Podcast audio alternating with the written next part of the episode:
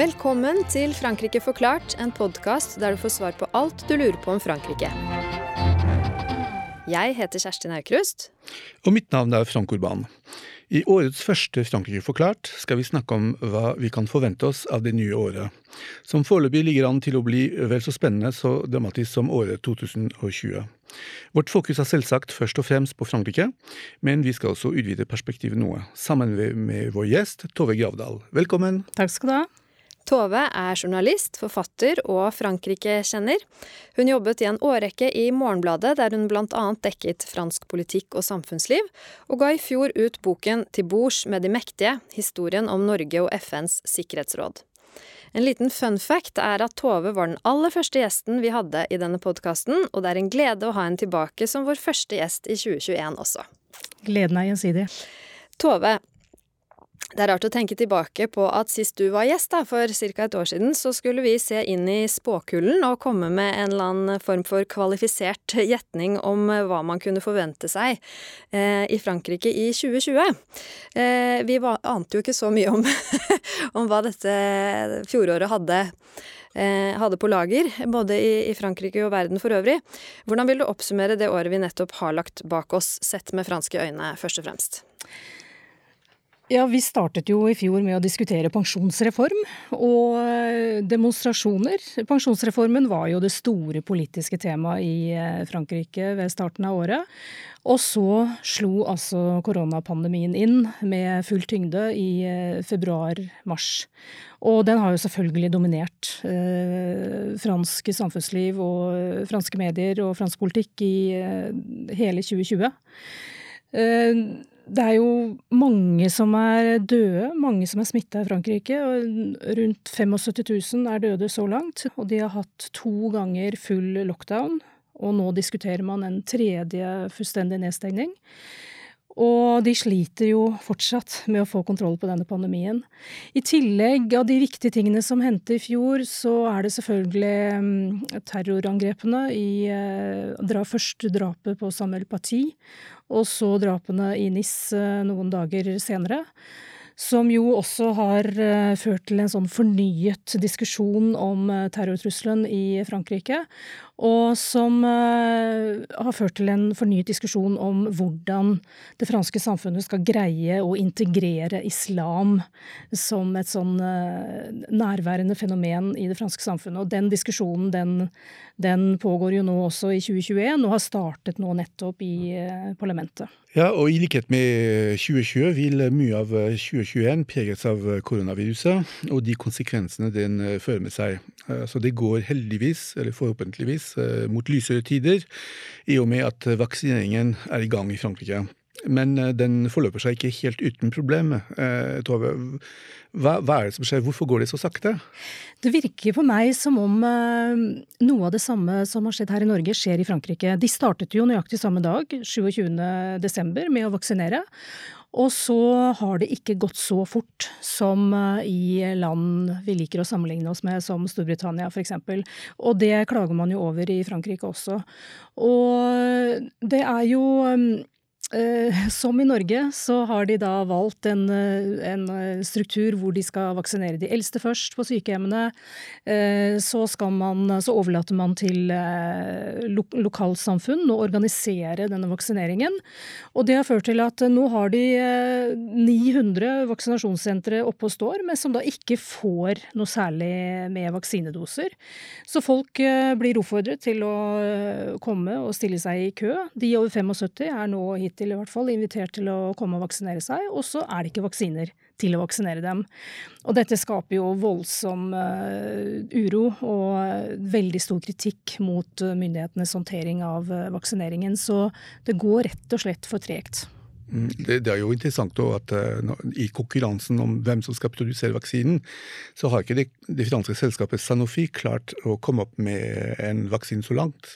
Nei, og Det er jo en av de tingene man spekulerer på, om franske myndigheter har ventet med å, å kjøpe et stort antall vaksiner til de kan kjøpe fra sin egen produsent. Jeg har ikke sett at det er bekreftet noe sted, men uh, det er klart det er, det er sånne spekulasjoner som da sprer seg når folk er misfornøyde med å ikke bli vaksinert. Hvis det er tilfellet, så er det uheldig, for den vaksinen blir ikke klar, blir ikke klar før slutten av året.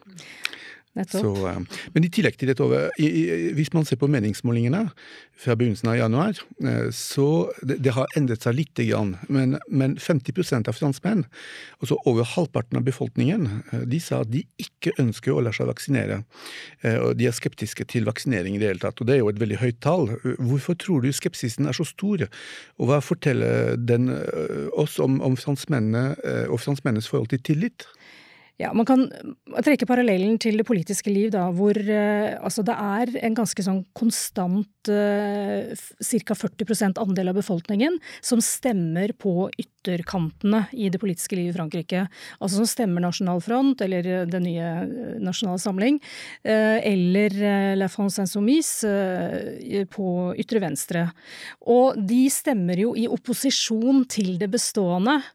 Og det er jo en sånn grunnleggende skepsis til det bestående i Frankrike, som jo er et kjennetegn ved det franske samfunnslivet. Og det kommer kanskje til uttrykk også i eh, holdningen til eh, vaksiner. Og at eh, når det er noe som presenteres som riktig å gjøre av det bestående, så er det en sånn instinktiv motstand mot det i en veldig stor andel av befolkningen. Og så er det noen fenomener som har kommet i tillegg. Det var jo en film som ble laget i høst som heter Hold Up som eh, Jeg har ikke sett den, jeg, for jeg liker ikke å se på eh, konspirasjoner.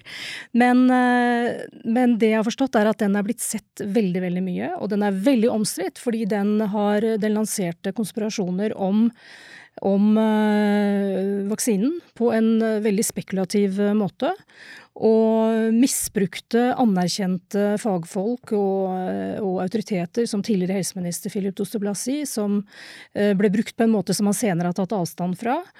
Og den filmen har jo åpenbart blitt sett veldig, veldig mye, og har eh, helt sikkert bidratt til den eh, store skepsisen til, til å vaksinere seg i Frankrike. Både president Macron og nykommeren statsminister Jean Castex har jo måttet tåle mye kritikk for måten de har håndtert koronakrisen på. Hva er din vurdering av Frankrikes linje så langt, og eh, særlig da president Macrons håndtering av denne krisen? Den har vært litt inkonsistent. De har ikke greid å være mm, rettlinjet i kommunikasjonen.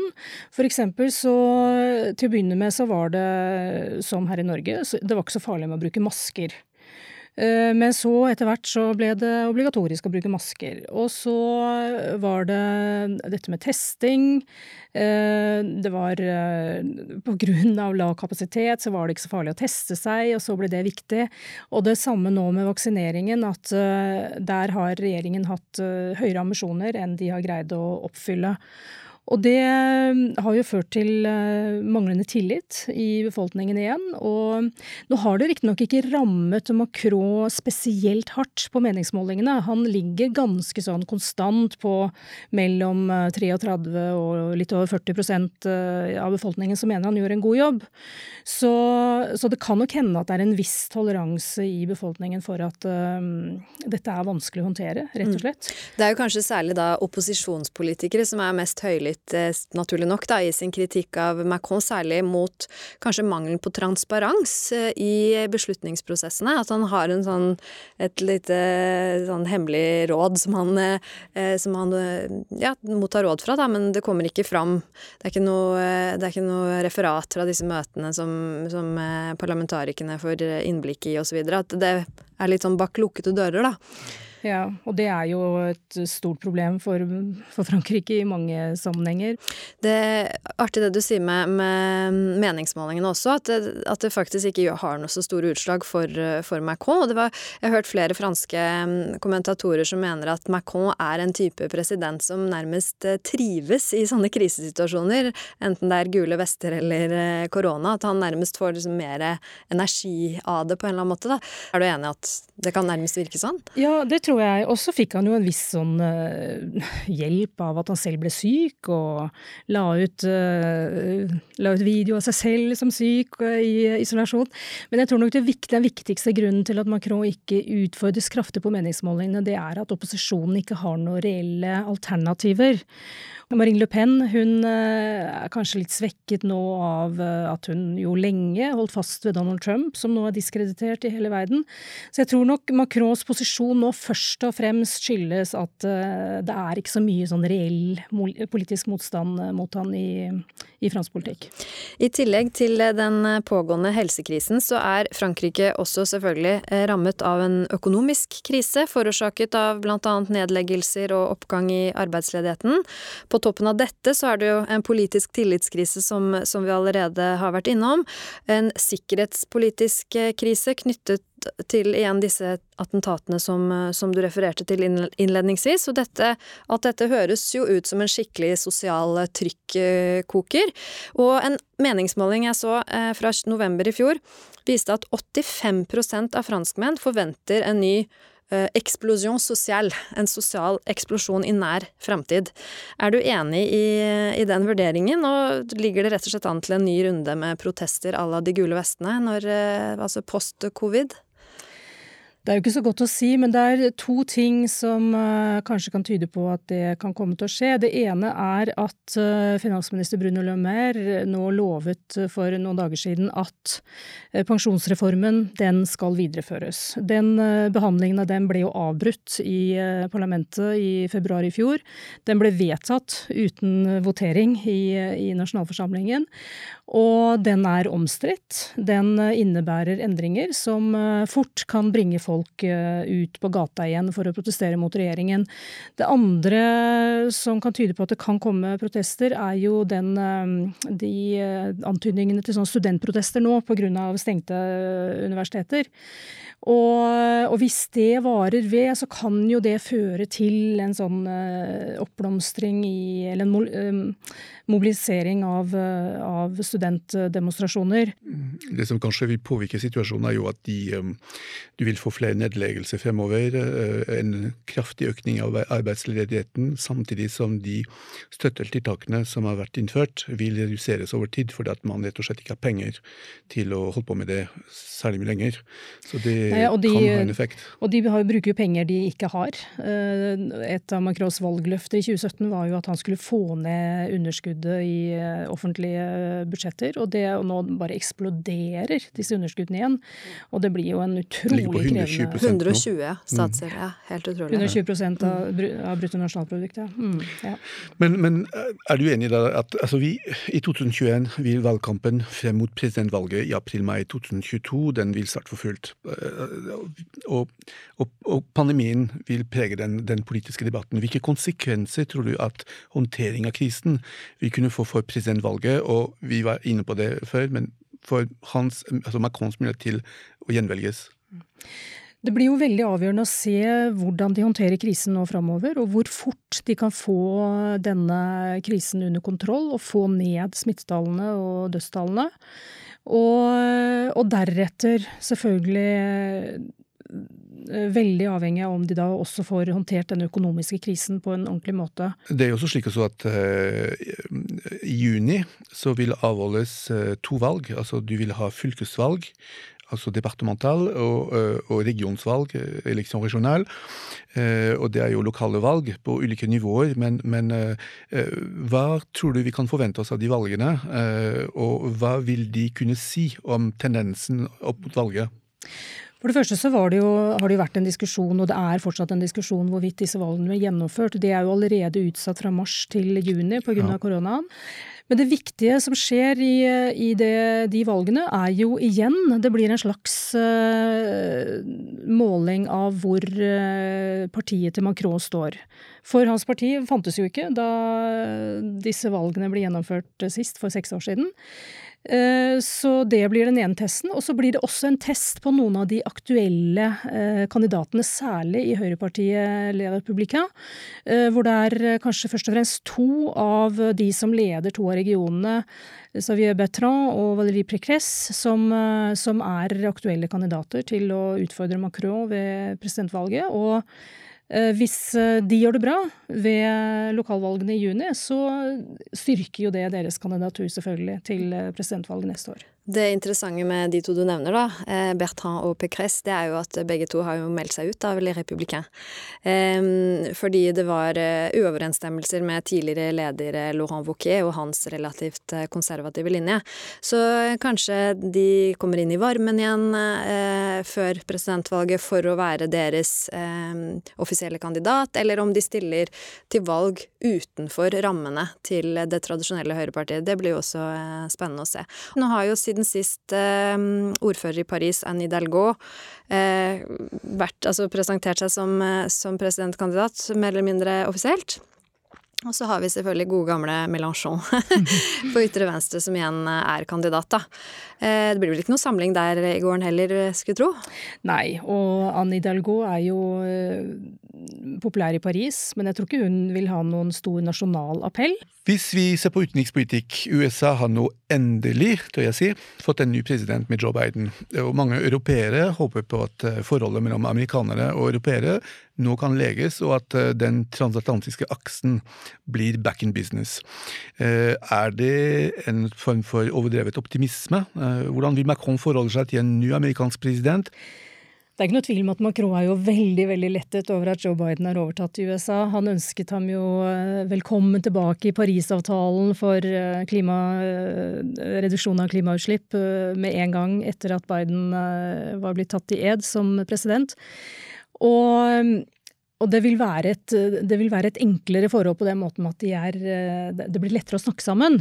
Og husk at Anthony Blinken, som nå overtar som amerikansk utenriksminister, han eh, er jo fransktalende, han har, gått, han har studert i, i Paris, og bare det gjør jo at forholdet mellom Paris og Washington blir mye enklere. Og mm, de er mye mer på linje når det gjelder eh, internasjonalt samarbeid. Et av de store problemene med Trump-administrasjonen er jo at eh, de, det er ikke så stor avstand mellom Europa og USA nødvendigvis i synet på Kina. Men Trump har jo vært helt uinteressert i å koordinere sin politikk overfor Kina med Europa, og der har jo Biden gjort det helt klart at der skal eh, de nå stå sammen og, og samarbeide mye tettere i å konfrontere Kina, i hvert fall. Og, og, Biden har jo varslet at han vil ha et sånt toppmøte om demokrati, fordi demokratiet er i krise rundt omkring i verden. Og de eh, landene som ønsker å forsvare demokrati som styreform, de må nå virkelig stå sammen for å, for å gjøre det. Og alt dette er jo helt klart som musikk i Macrons ører. Men så er det jo selvfølgelig en del Eh, sånne stridsspørsmål som, eh, som eh, videreføres. F.eks. det at Frankrike har innført skattlegging av disse store teknologiselskapene, Google, Apple, Microsoft og Amazon, som førte til at Trump påla Frankrike, særlig fransk vin og, og brennevin, store avgifter. Det blir spennende å se om de avgiftene blir borte. Men det skjer også ting i FN. Eh, Frankrike er fast medlem i eh, Sikkerhetsrådet i FN.